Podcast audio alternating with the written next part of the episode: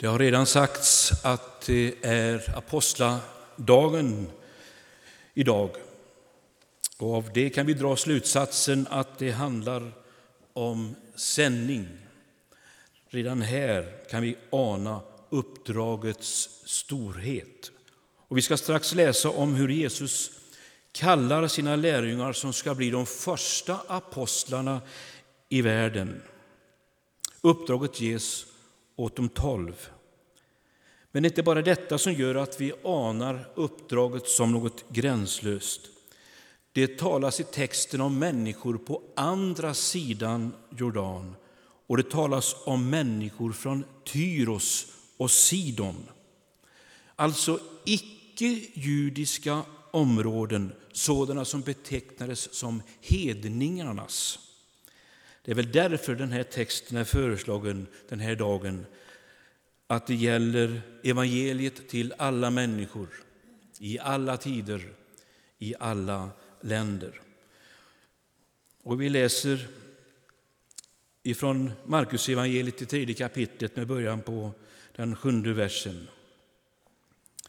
Jesus drog sig undan mot sjön, mot sjön tillsammans med sina lärjungar.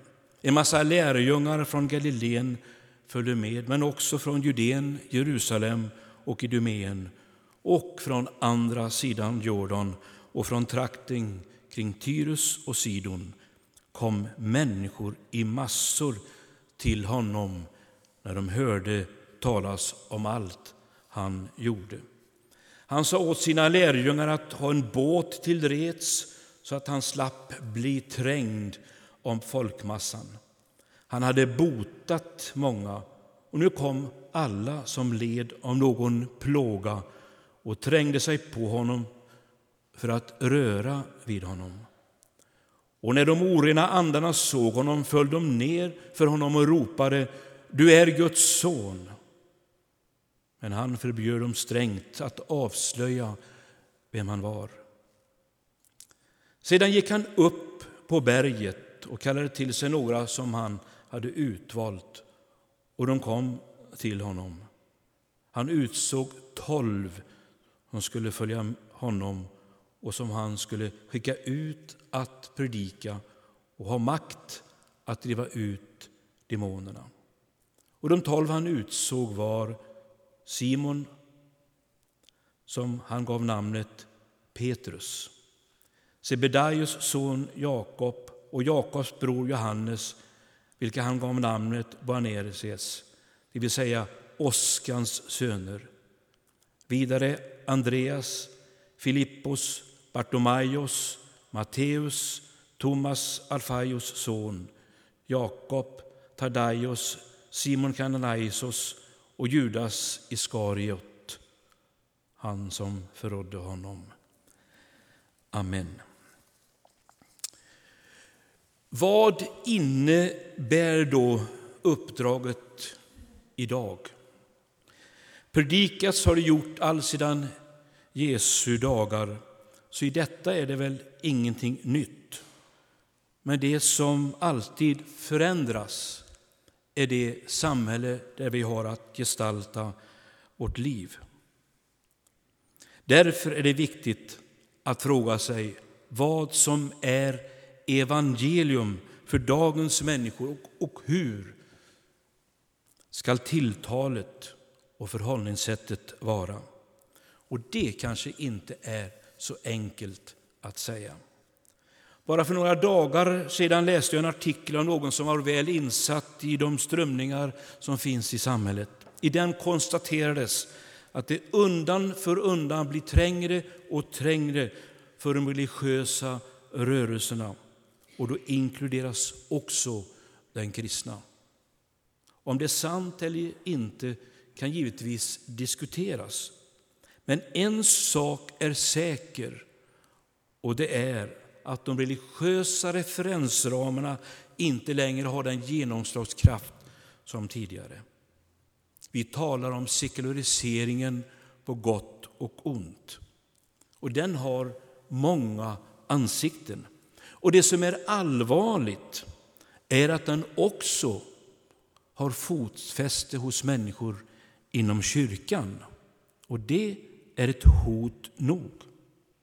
Ibland har jag en känsla av att vi inom kyrkan i vissa avseenden är mer sekulariserade än många människor utanför. Under våra storhelger som jul, påsk och pingst minimerar vi gudstjänsterna så mycket som det bara går. Folk kommer ju ändå inte, säger vi. När vi firar det verkligt stora inom kristenheten har vi inte tid att gå till kyrkan för att där manifestera det stora som händer och sker. Hur ska vi då kunna tro att vi kan göra tron intressant för andra? Ute bland människor finns stora och små mötesplatser där man minst, med minst lika stort allvar samtalar om livsfrågorna som den kyrkvane. Förlåtelse och befrielse är ingen banalitet utan något på liv och död, faktiskt för väldigt många människor. På något sätt går det i vissa avseenden ingen skiljelinje emellan människor inom och utanför kyrkan då det gäller de andliga frågorna. Man skulle kunna säga vi är som alla andra. Det innebär att utifrån det perspektivet finns ingen plats för ett exkluderande prat från oss som kyrka. Vi är som alla andra. Skillnaden är möjligen, för att använda en gammal bild, där en tiggare säger till en annan tiggare var det finns bröd att hitta. Det är möjligt att det endast i detta skillnaden är. Om det är så, då borde vi göra oss ödmjuka. Vad går då mänskligt liv djupast sett ut på? Är det att i första hand tänka på sig själv, ta för sig, se om sitt eget sammanhang? Jag tror inte det. Det finns en tanke, till och med en skapelsetanke från Gud själv.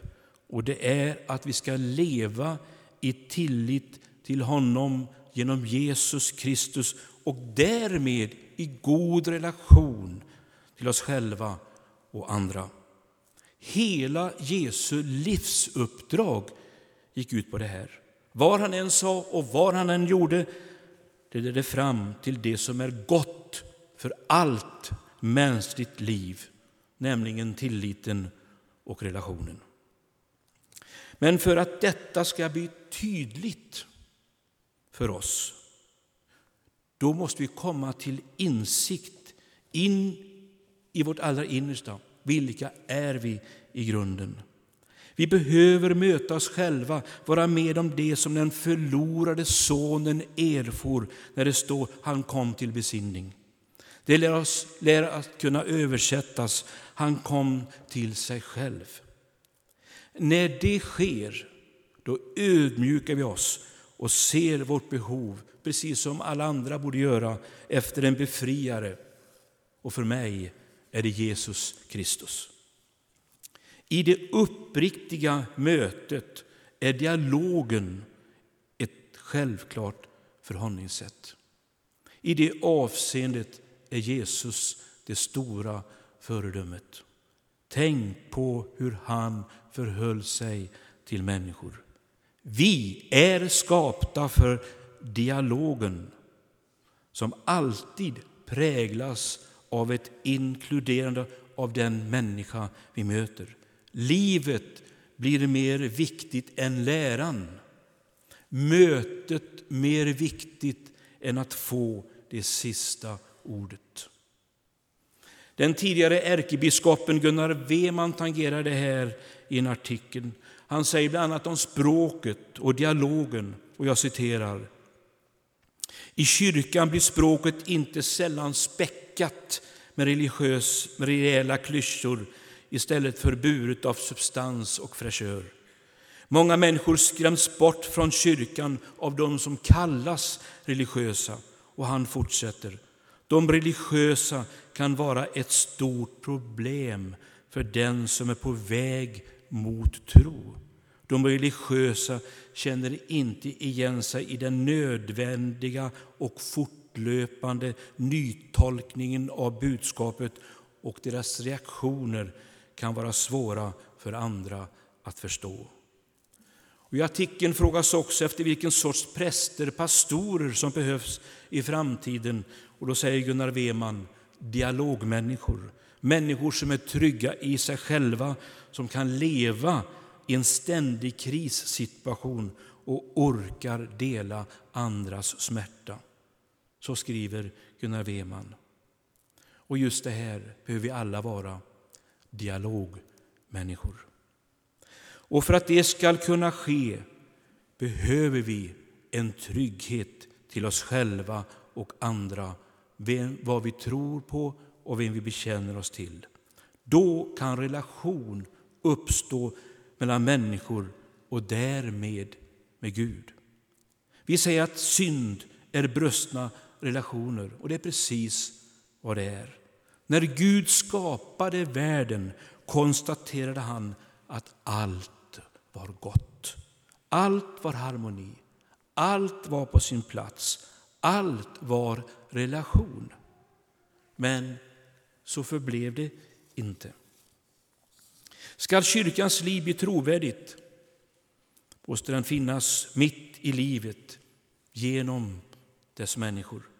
Den här kyrkan och alla andra kyrkor har inte sin egentliga arena inom väggarna utan i vardagen där inga andra finns än du och jag som människor. Det människor idag vet om kyrkans folk och därmed tror de vet allt, det är att vi tycker om Jesus och är emot synd. Men äkta trons liv rymmer så mycket mer. Det bryter alltid mönstret när egoismen gör sina resor med oss. Det bjuder motstånd när orättvisor sker.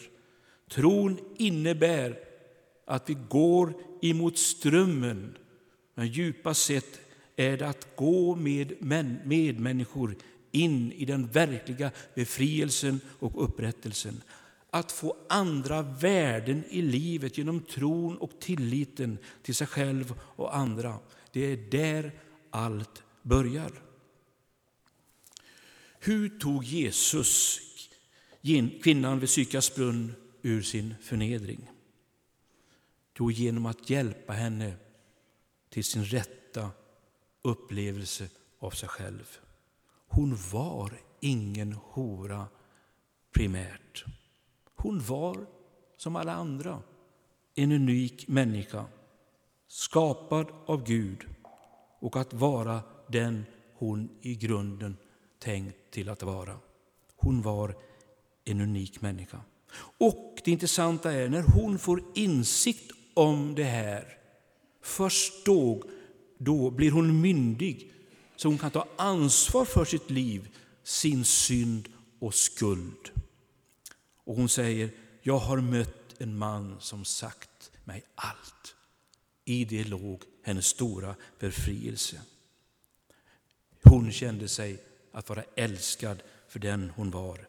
Och det är först i den upplevelsen vi kan ta ansvar för vårt liv. Vi är sedda och bekräftade av Gud själv.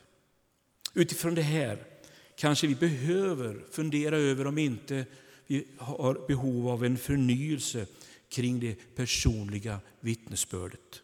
Ett nytt språk, en ny nerv, något som kommer ur det innersta av vårt liv där ärlighet och tydlighet möter medmänniskans ärlighet och tydlighet om vad det innebär att vara människa.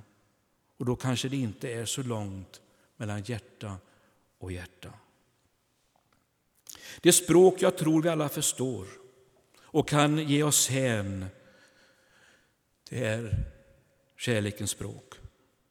Det finns så mycket som ryms i det ordet och är egentligen i grunden förutsättningen för allt liv. Som kyrka kan vi benämna det som diakonins språk.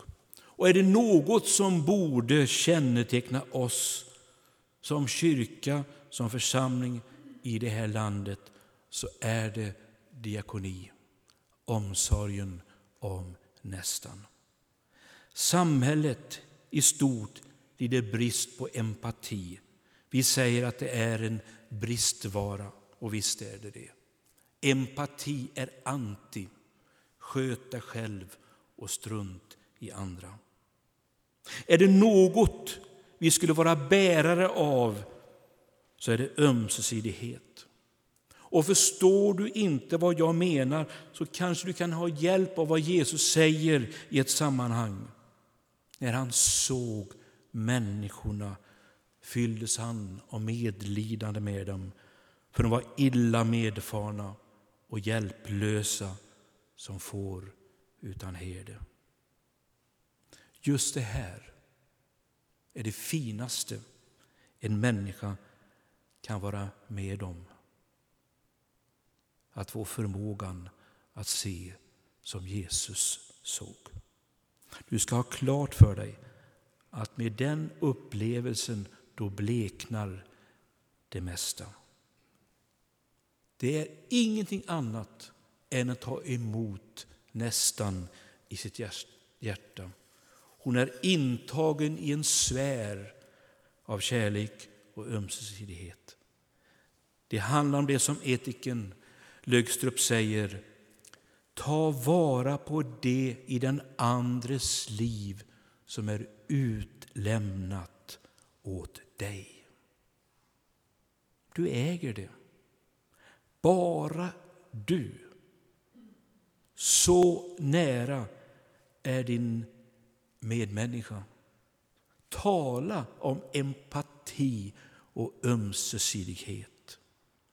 Och mycket av detta tydliggörs inte minst i de händelser som har skett dessa dagar i Oslo och Utöja. Var så säker, där finns det en stark känsla av ömsesidighet människor emellan. Många gånger har jag frågat varför en del kan ge sig så ut för andra.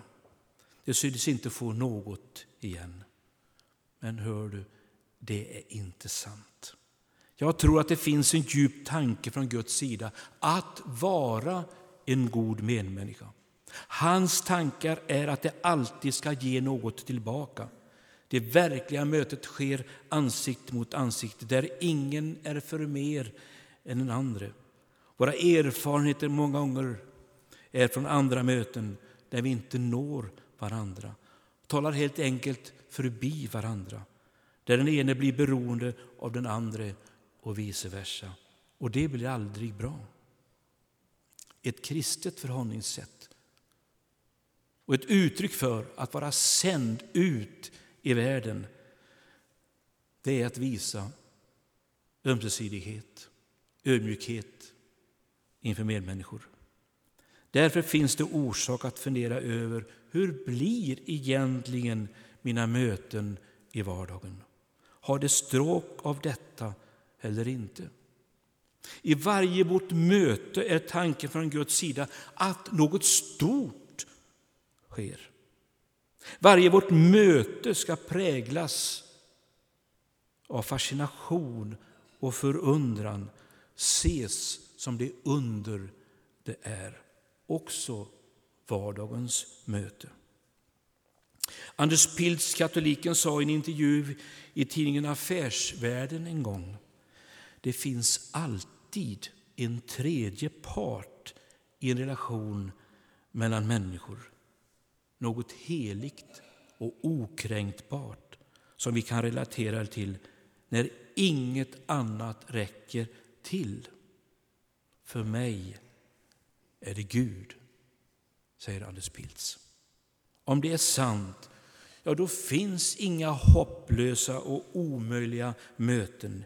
I mötet med medmänniskan ser du rakt in i Guds pupill som också Anders Pils säger. Så skall våra möten vara. De befriande och de hoppfulla mötena. Genom våra ärliga, öppna och generösa sätt att vara blir det ett trovärdigt sätt att göra Kristus känd och trodd. De känner igen Kristus genom ditt sätt att vara. De känner igen Jesus genom dig. Det är det mest trovärdiga förhållningssätt som vi kan uppbringa. Kan inte ersättas av något annat. Vilken satsning det än är och vilken proklamation vi än tar till. Och allt detta som har med uppdraget att göra, det ligger hos dig och mig. Och vi kan fråga oss, då är det väl ett omöjligt uppdrag för jag känner mig själv, mina begränsningar, min oförmåga. Nej, så är det inte. Det är inget omöjligt uppdrag. Det vi behöver för att vara bärare av det goda har sin grund i vad Gud skänker oss. I Guds skapelsetanke finns också detta att människan är bärare av en frisk källa. Ur hennes innersta skall denna källa ständigt bryta fram. Bakom denna källa står Jesus själv som givaren. Han säger, den som tror på mig. Ur hans inre ska flyta strömmar av levande vatten. Och jag försäkrar, det är den livsströmmen som förändrar världen. Att träna sig på det här är att göra sig till välsignelse och det hör vardagslivet till. Du är en Guds ikon. Inte bara inför honom, utan också inför din medmänniska. Lev därför som en sådan. Våga helt enkelt vara den du i Kristus är. Amen.